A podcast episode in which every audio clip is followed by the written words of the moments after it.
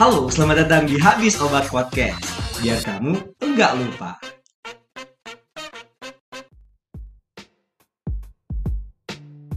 Terima kasih teman-teman yang udah join di Habis Obat.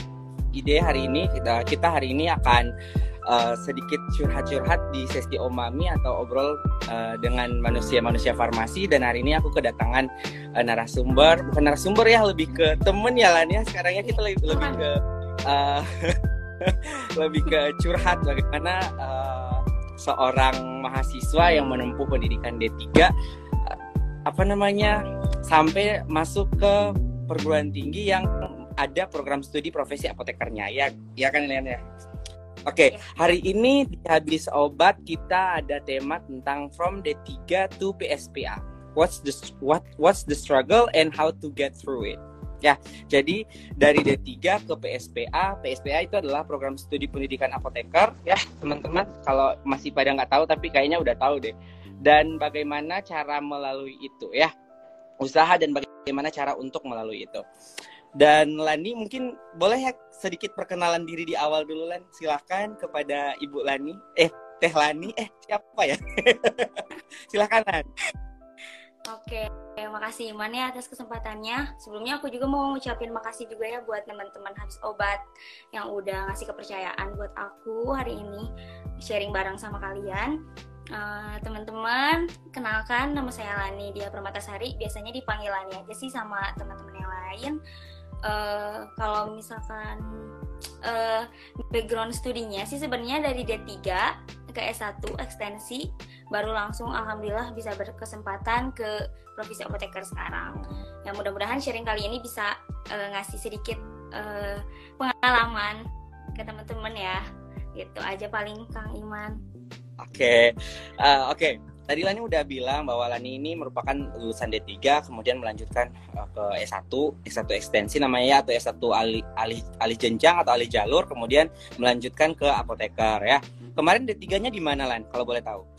Uh, D3-nya di, di Poltekkes Kemenkes Bandung. Oh di Poltekkes Kemenkes Bandung. Nah mm -hmm. kemarin kan apakah Lani dari dulu punya ada niat atau ada niatan untuk melanjutkan ke apoteker atau seperti apa?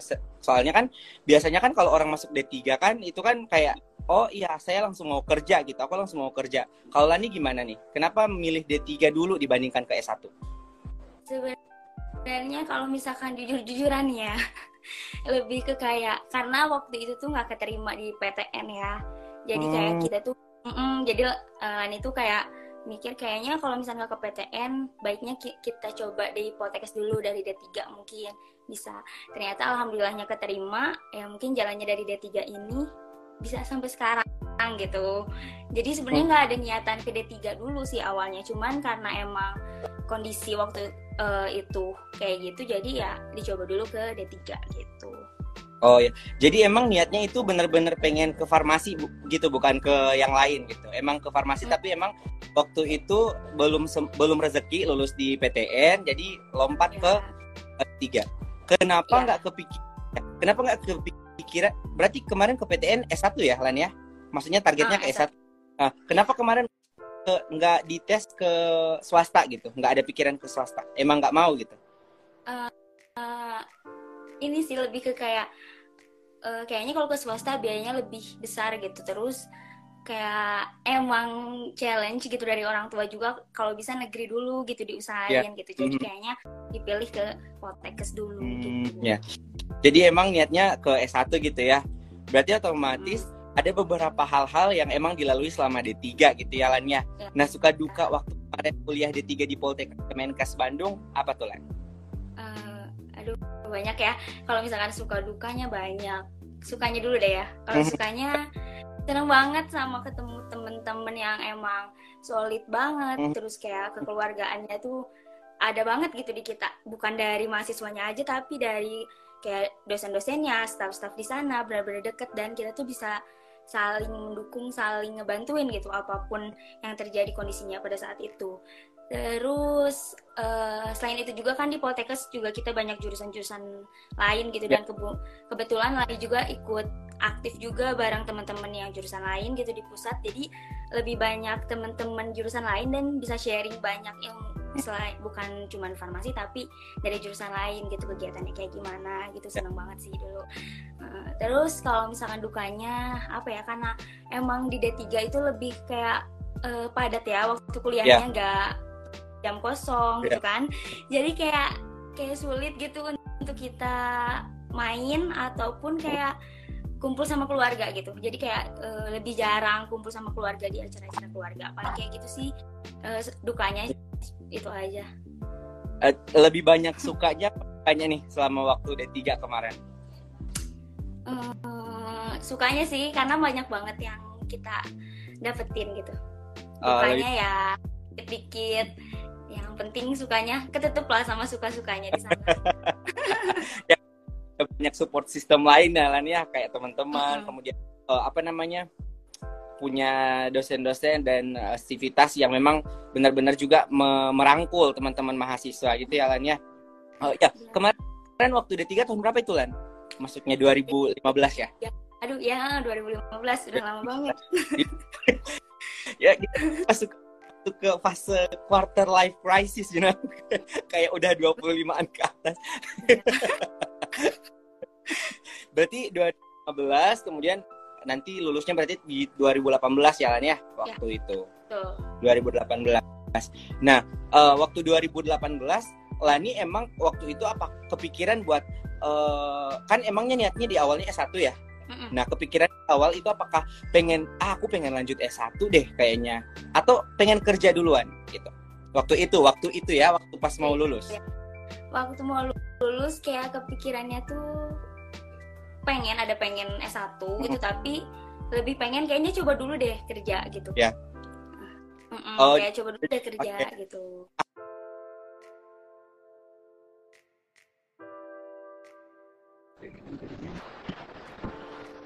Akhirnya jalan berarti ya?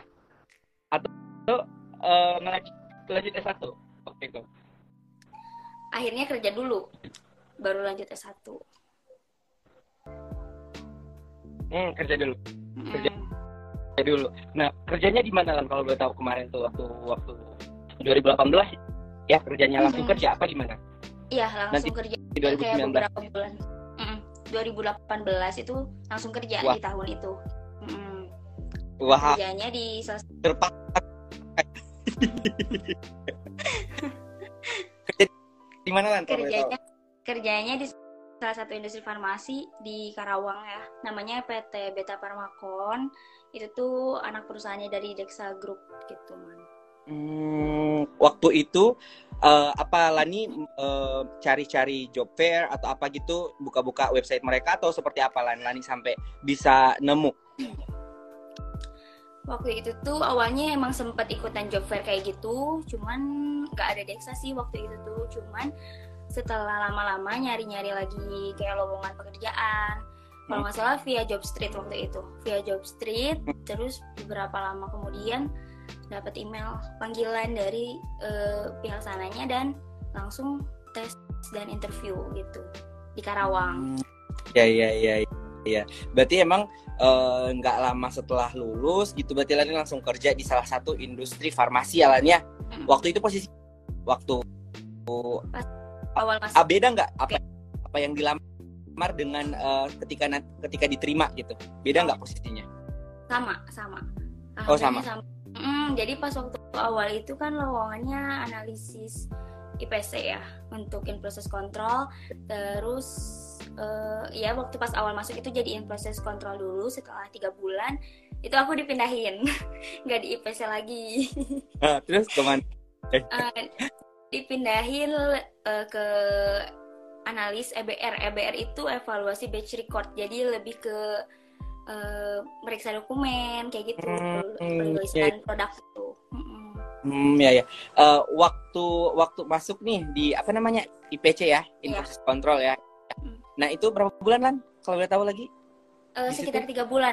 Sekitar tiga Jadi bulan. dari uh, dari Oktober sampai Desember awal tahun itu aku pindah ke EBR. Hmm. Oh ya bentar bentar sebelum masuk ke sana, berarti hmm. yang ini beta apa sih namanya tadi? Beta Farmakon gitu beta ya? Beta Farmakon. Hmm. Beta Farmakon itu berarti untuk obat-obat konvensional gitu ya? Produ uh, hmm. Produsen obat konvensional gitu. Atau? uh, macam-macam sih. Tapi waktu itu lebih banyak ke produksi sediaan tablet ya solid uh, sediaan uh, solid. Mm -mm, terus sama ada uh, liquid juga. Nah, tapi sekarang udah uh, oh ya. Nah waktu itu kan Lani kan di tadi bilangnya di analisis IPC selama tiga bulan gitu ya.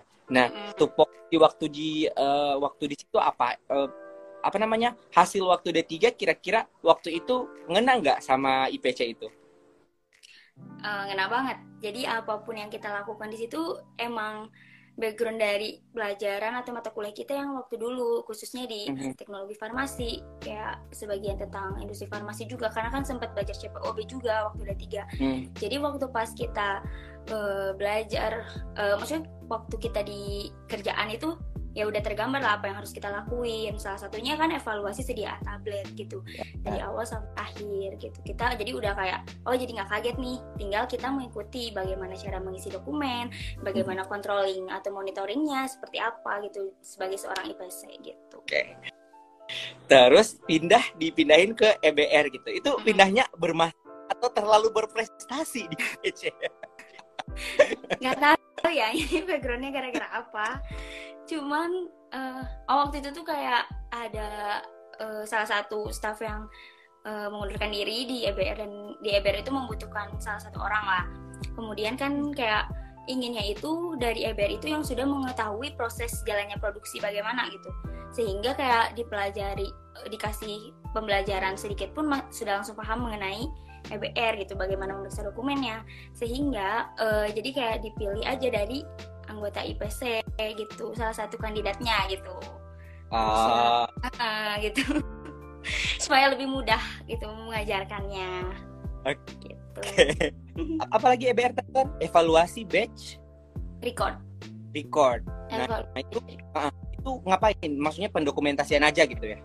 Hmm, waktu itu uh, gak cuma dokumen batch record aja tapi kita itu ngelola kayak return sampel terus sampel stabilitas. Pokoknya monitoring controlling segala dokumen sama penyimpanan penyimpanan kayak yang tadi return sampel kayak gitu sama sampel stabilitas sampel sampel sih. Oh uh, ya oke. Okay. itu tujuh bulanan di situ? Atau hmm, berapa lama? sampai resign uh, berapa bulan ya? Satu tahun setengah mungkin ya satu tahun wih lama berarti Berarti kamu kerja sebelum lanjut ke S1 itu ada dua tahunan ya? Iya. Ada hampir dua tahunan. Hampir, hampir, dua, tahun. Wow. Begitu sangat berpengalaman ya. Uh, bentar, ini aku mau simpan buat pertanyaan nanti buat buat pas uh, sesi di PSPA-nya ya. Nah, itu kan tadi kamu bilang ada di IP, IPC ya, proses kontrol sama si EBR itu. Nah, itu dua-duanya tempatnya waktu kerja itu di dalam laboratorium atau di kantorannya? Kalau waktu IPC itu ya jelas di dalam produksi, kalau EBR itu di kantor kita di office. Hmm, cuman iya, iya. ada mm, cuman ada beberapa hal yang tugas kita yang ketika itu bisa aja kita ke produksi gitu man. Uh, Atau keliling-keliling okay. ke yang tempat lain gitu. Seru pokoknya. Ih, mau lah pengen, tapi di sini nggak ada industri soalnya Nah, uh, uh, kan kamu sempat tadi bilangnya eh, setahunan lebih ya eh, kerja. Nah, terus kamu lanjut S1 ekstensi nih. Kenapa sampai kepikiran mau lanjut padahal udah nyaman, udah banyak uang kan pasti di industri ya. kenapa kepikiran? Amin. uh, kenapa pengen lanjut S1 sebenarnya dari awal kerja itu sudah diniatkan gitu hmm. untuk ngumpulin uang buat lanjut S1 gitu. Jadi kayak ya pas waktu kayak waktu itu kampus kita buka ya. juga man kebetulan terus kayak ya. ah dicoba dulu deh masuk S1 kayaknya uh, eh, D3 masih belum cukup bagi aku gitu ya. ya. Untuk aku ya waktu itu ya. kayak D3 kayaknya masih masih bisa eksplor lebih banyak lagi gitu kayak kayaknya nggak sampai sini aja deh gitu. Masih bisa lebih lagi gitu ya, keren banget loh. Maksudnya uh, ada perempuan yang mau sekolah sekolah sekolah tinggi tinggi gitu ya. Karena kan ada yang memang kayak ada oknum-oknum tertentu yang memang kayak memandang perempuan ngapain sih sekolah tinggi tinggi tapi tetap uh, ada emang dari diri Lani yang mendorong Lani bahwa ini nggak cukup segini aja aku mesti maju lagi ke S1 ya. Ini masih sesi S1 pasti ada lagi yang lebih uh, membanggakan ya ketika nyatan lanjut uh, kuliah apoteker nanti kita bahas sebentar ini. Tapi uh, tadi kan juga bilang ya Lani lanjut S1 waktu itu lagi buka gitu ya. Nah, waktu itu kan emang Lani ada niatan buat lanjut S1. Itu uangnya emang hasil 100% dari industri atau uh, maksudnya hasil dari Lani kerja atau emang ada tetap subsidi gitu dari orang tua waktu itu ya? Pas awal itu kalau nggak salah sempet pas awal itu full dari Lani dulu sih. Kemudian waktu pas akhir-akhir kan udah mepet tuh. Jadi ya udahlah. nggak mau kan. Jadi uh, udah ada niatan nabung gitu ya. Uh, waktu itu. Kalau aku emang waktu S1 tuh aku nggak ada loh nabung lain nggak ada kepikiran aku mau lanjut S1 karena gue pikir ya, ngapain lah gitu. Tapi uh, karena aku sih support waktu itu karena teman-teman kayak banyak teman-teman yang lanjut S1 kan. Jadi kayak ya udah karena ini kayaknya bakalan seru bakalan rame kan. Kan itu salah yeah. satu faktor ngelanjutin kenapa aku ngelanjutin S1 uh. gitu. Berarti ya kita kan sama nih sebenarnya teman-teman habis obat kita sebenarnya adalah alumni yang sama dari satu kampus yang sama ya dari uh, salah satu kampus di Bandung Universitas Bakti Kencana waktu itu 2020 ya Lia plan ya kita masuk 2020 ya. dan lulus alhamdulillah kemarin di bulan September di tahun 2022. Nah, kalau aku emang punya suka duka tapi bukan aku yang bercerita tentang suka duka aku waktu S1 majalan. Ya. Kemarin waktu S1 gimana suka duka kamu? Pasti beda nih antara aku sama kamu.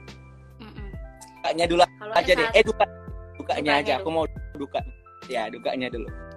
Dukanya apa ya? Oh, dukanya tuh karena kita online loh, Man. Jadi kita tuh jadi kayak jarang ketemu kan sama teman-teman. Terus kayak sharingnya itu lewat virtual yang kurang kurang sepenuhnya full gitu loh.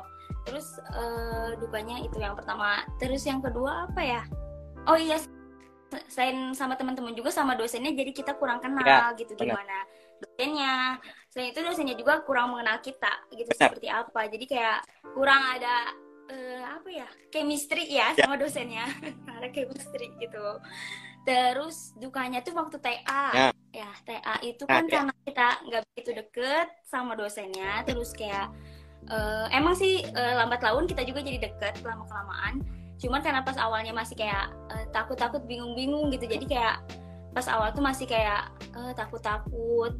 Terus pas TA-nya alhamdulillahnya uh, makin deket sama dosennya makin deket makin deket. Tapi tetap aja kan nggak bisa ketemu secara langsung karena masih pembatasan juga kan di kampus. Jadi kayak ya udah gitu menjalani itu dengan online gitu curhat dengan online gitu sama uh, dosen jadi kayak sedih gitu kan curhat iya. lain. Kurang pol. Materi-materinya juga gue nggak terlalu gimana kan didapetin karena emang semuanya online gitu.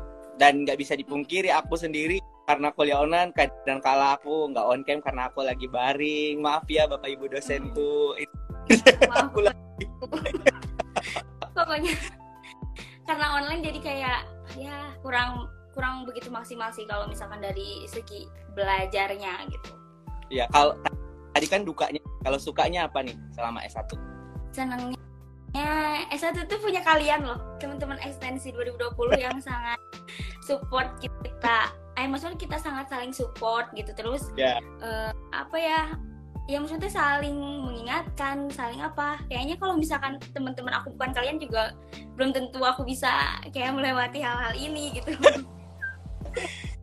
terus selain ekstensi juga teman-teman yang teman-teman yang dari reguler tuh pas TA benar-benar bisa bantu. saling ya? kerja sama uh, uh, saling bantu sharing apa pun bareng-bareng gitu. Pokoknya suka sih senang senang Se kampus sama kampusnya juga senang ya Lan ya? Uh, alhamdulillah senang karena kita lulus dapat, juga ya. Benar kita dapat banyak. Aku akui kita dapat banyak hal dari kampus itu. Dari universitas Bakti kita nyanyikan marsnya dulu? Eh jangan. Lama nanti. Ya durasi iya uh, uh, berarti Lani kan S1 nih uh, D3 ke S1 waktu mm -hmm. itu D3 S1-nya apakah uh, penelitiannya sama gitu? Maksudnya konsentrasinya sama. Misalkan Lani kemarin waktu di S1 kan uh, for, apa namanya tekfar ya? Waktu D3 juga tekfar ya? Oh. tekfar ih keren banget. Ya maksudnya linear gitu ya. Kayak garis kurva gitu. Nah uh, waktu kemarin PS1 itu ada kepikiran nggak nggak bakalan lulus tepat waktu? Ada, karena karena TA-nya itu benar-benar kayak nggak maju-maju loh, man kan kamu sempet denger cerita aku yang gak maju-maju itu formula aku kan. Ya. jadi kayak aduh gimana nih? Aduh gimana nih? Tapi tetap aja hati kecil kan pasti pengen nggak mau tahu harus lulus harus Ya. lulus gitu. Nggak mau tahu harus lulus. Jadi berkat dukungan juga sama temen-temen yang sharing tuh eh, yang anak anak tekfar anak-anak satu bimbingan. Jadi kita punya semangat untuk kayak ayo ayo cari di mana masalahnya gitu. Jadi Oke. sampai alhamdulillah bisa lulus. Waktu ya. Alhamdulillah. eh apa namanya? Kan udah nih ya, satu lulus kemarin di bulan September gitu. Nah sebelum lulus di bulan September itu apakah kan Lani sekarang udah lulus ya bisa di di PSPA ya. Nah waktu Hmm. sebelum lulus sebelum lulus S1 apakah emang ada niatan buat lanjut ke apoteker lagi atau seperti apa waktu itu? Eh, jadi sebenarnya waktu pas abis lulus S1 itu memang kepikirannya oh udah eh, lanjutin ke ekstensi eh, kalau bisa diusahain semaksimal mungkin harus lanjut apoteker kan Mhm. karena kepikirannya bukan apa-apa man umur bunda gitu Ya, kan Jangan Lan, jangan di sini nggak kelihatan kok nggak iya terus kayak ayo kayak nggak mau dipending-pending lagi itu rasanya tuh kemarin kan Nah. karena kerja dulu dari D3 terus kerja dulu ke S1 tuh kayak recall materinya cukup lumayan Nah. haheho kan gitu kan Nah, Jadi ketika sekarang oh, apoteker kayaknya bakal lebih eh eh, kayak lebih banyak lagi tantangannya gitu. Jadi kayaknya mendingan langsung gas aja gitu. Ish. Jadi waktu itu kan emang udah niatan nih lanjut apoteker. Berarti kepikiran buat eh, pasti kan ada usaha-usaha tertentu yang dilakukan sama Lani buat buat masuk ke, ke apoteker karena emang kalau ke S1 kayaknya agak maksudnya ya bukan dia pandang enteng ya, bukan dianggap remeh ya, tapi kayaknya ke apoteker itu bakalan lebih susah lagi buat masuk ya. Berarti ada usaha-usaha. Nah, waktu itu Lani usaha buat masuk coba nih apa aja boleh disebutin biar teman-teman tahu kan ta- tadi judulnya uh, the, the struggle ya usahanya nah usahanya Ya. itu apa tuh berusaha buat masuk apoteker Apoteker ya. Yang pertama itu, yang pertama nih pasti ada niat dan kayak eh, kekuatan keinginan gitu dari hati yang emang benar-benar pengen gitu. Kalau misalnya kita pengen kan pasti kita juga kayak bakal mengusahakan semaksimal mungkin gitu untuk dapetin itu. Ya. Terus yang kedua kita harus tahu tujuan PSPA itu kita mau ke mana gitu. Karena kalau misalnya kita nggak tahu, kita tuh nggak bisa mengenali eh, kampus-kampus mana nih yang bakal kita tuju gitu, kampus-kampus mana, kampus-kampus tersebut itu kan kan pasti punya kriteria tertentu ya, Ya. untuk calon-calon apotekernya gitu, yang calon-calon mahasiswanya gitu. Jadi kayak eh, ke mana nih tujuannya kampusnya waktu itu tuh, kayak nentuin tujuannya A, kampus A gitu. Jadi ya udah setelah tahu kampus A yang jadi tujuannya, emang ya- yang dipengen gitu, terus kita cari tahu tuh eh, gimana seleksinya di sana gitu. Cari tahu pokoknya, cari tahu info sebanyak mungkin tentang seleksinya di sana. Gak cuman seleksinya ya, tapi gimana sih cara kuliah nanti di sana, kayak gimana gitu. Kayak yang sekiranya kita carilah informasi sebanyak mungkin. Terus udah cari informasi, kita ya usaha. Usahanya apa? Belajar dengan semua informasi yang telah kita tahu. Kayak misalkan belajar tentang soalnya, ya tipe-tipenya seperti apa, cara menjawabnya seperti apa. Lebih ke kayak gitu sih persiapannya. Sama bikin eh kita belajarnya bareng-bareng sih, lebih ke belajar bareng-bareng supaya kita lebih semangat cari temen-temen atau circle yang kalian anggap itu tuh memiliki visi yang sama dan bisa bareng-bareng sama kalian gitu.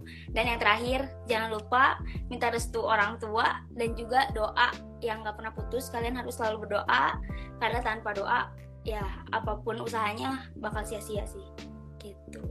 benar benar harus seimbang ya antara doa dan Hmm. usaha karena kalau orang yang usaha terus nggak ada doa doanya juga itu sombong berarti namanya ya Len ya Iya, benar. kemarin eh, selain ada ada maksudnya kan ada ya kayak kelompok belajar gitu ya kelompok ke- kelompok kecil gitu ya, belajar apakah Lani juga kan sekarang lagi tren juga ya lagi hype juga di kalangan mahasiswa S1 farmasi yang mau lulus gitu ya cara-cara untuk masuk biasanya untuk masuk apoteker biasanya pakai bimbel bimbel kemarin sempat ikut nggak bimbel Sempet ikut bimbel tapi kita eh, Lani itu ngambilnya yang kelas mandiri gitu loh.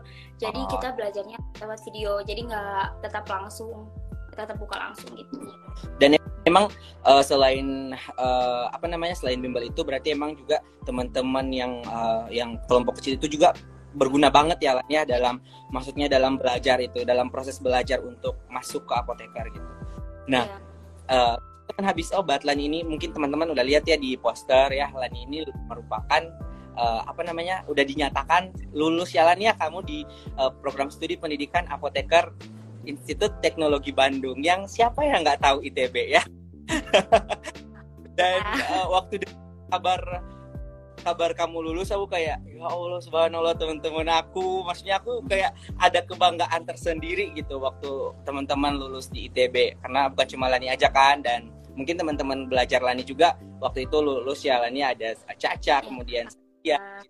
Uh, memang memang kayak gimana tuh waktu itu kalian emang waktu itu langsung langsung lulus waktu itu atau sempat ada beberapa hal yang maksudnya kayak Lani mengurungkannya ih nggak usah dia aku apoteker lagi atau seperti apa?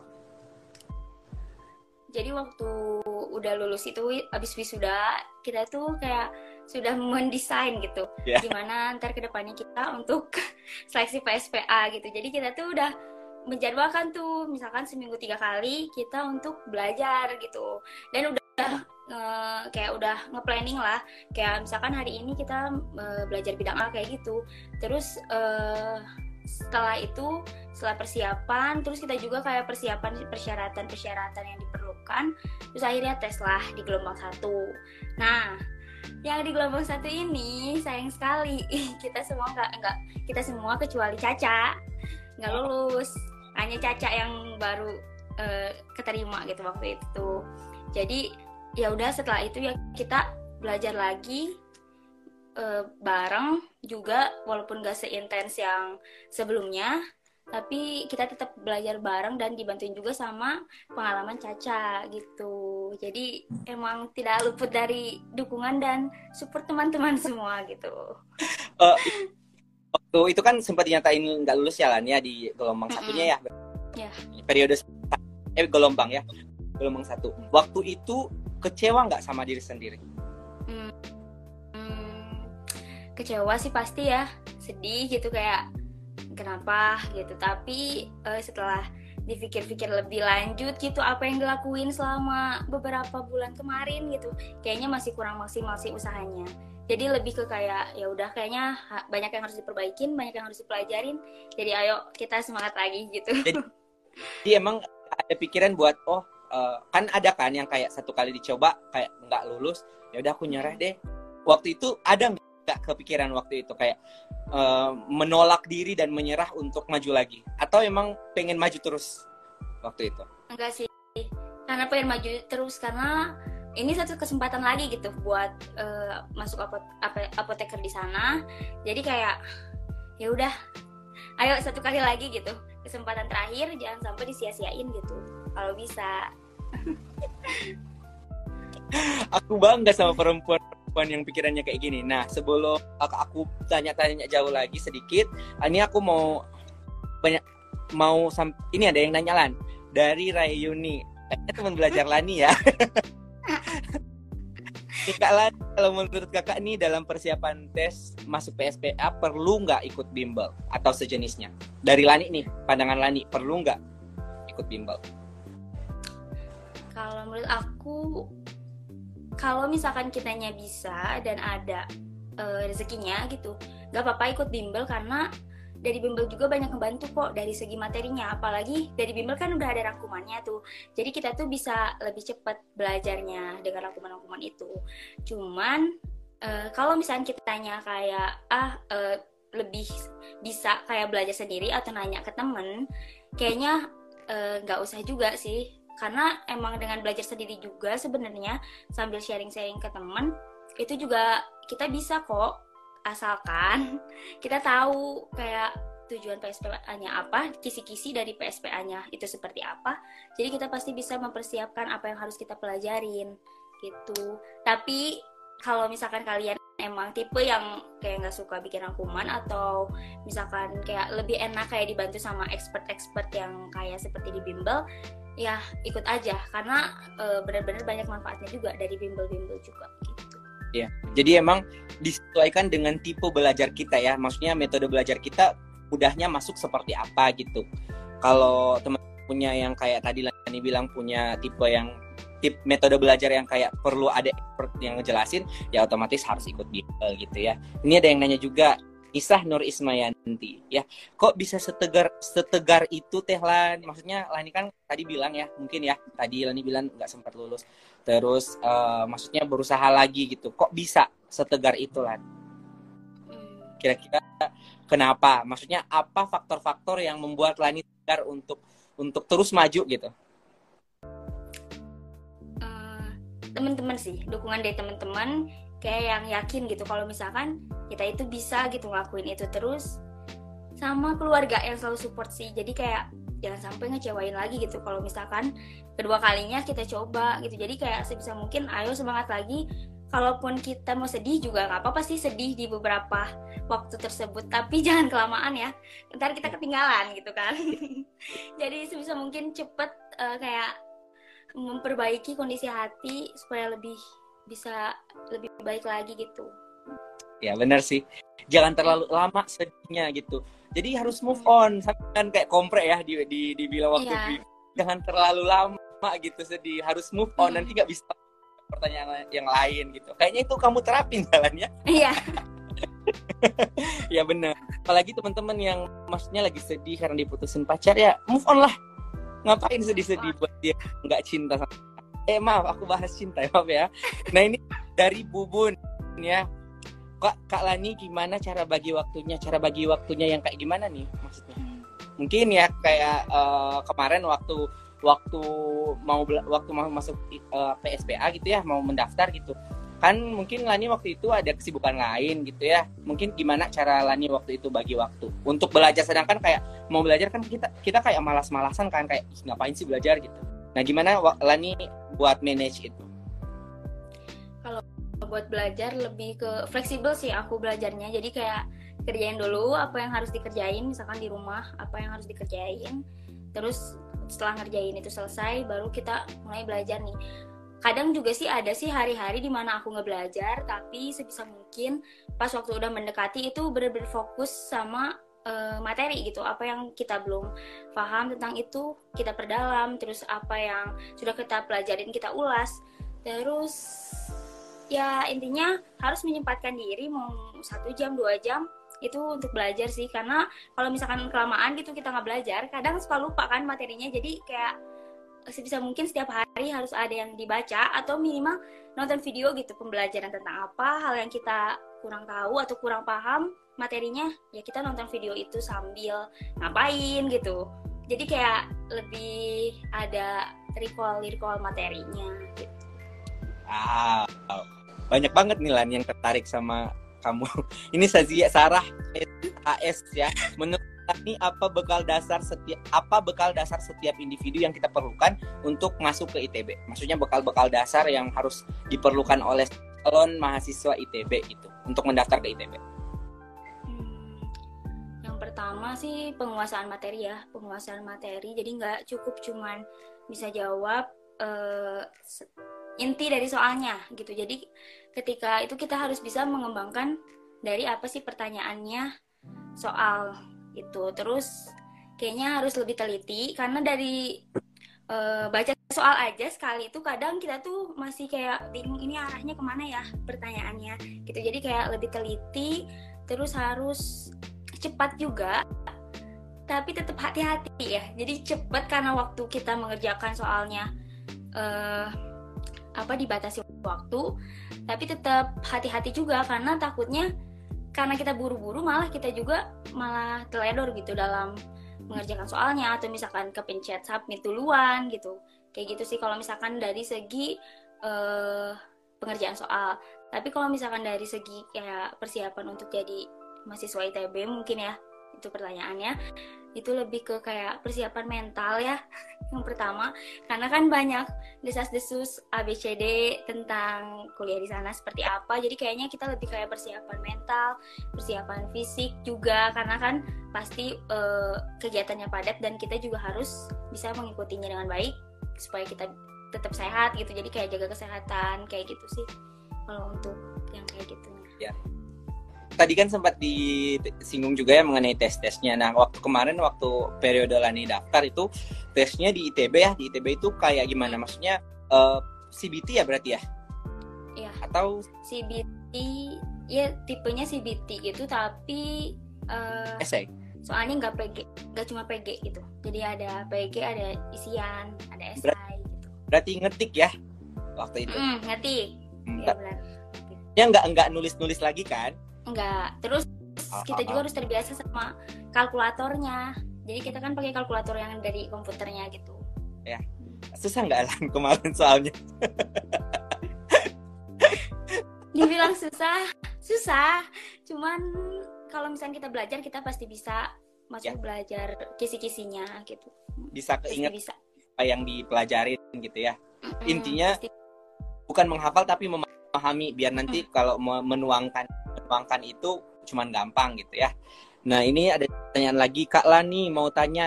Kayaknya Lani udah pertemuan ya Lan sama teman-teman di ITB sama mungkin sama eh, apa namanya staf di ITB itu. Ini mungkin ke situ ya SKS yang perlu ditempuh di PSPA ITB berapa SKS?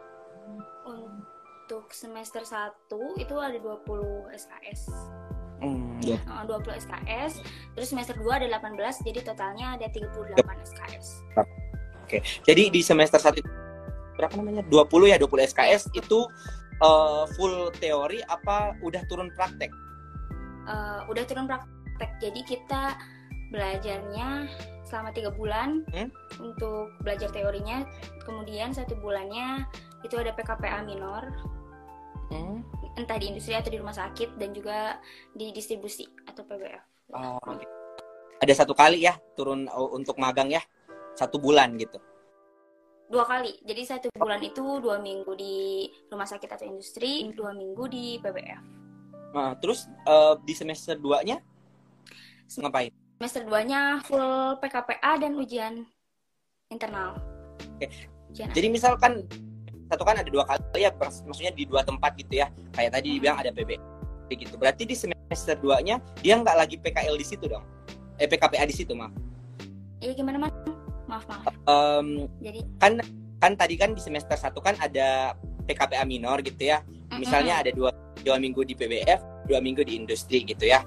Nah, di semester 2 kata Rani kan ada ada juga ya PKPA. ya, ya kan? benar. Nah, PKPA itu eh, PKPA lagi nggak di industri kalau udah di udah sebelumnya udah di semester. Eh, beda lagi. Jadi yang semester 2 itu be- beda lagi berdasarkan peminatan kita. Oke, jadi berarti Lani pasti peminatannya ke pelayanan ya? Nggak mungkin lah. Ini yang mau aku bilang linear gitu. Jadi dari D3-nya maksudnya ambil ke Tekfar, kan Tekfar biasanya ke industri ya lulusannya kebanyakan ya.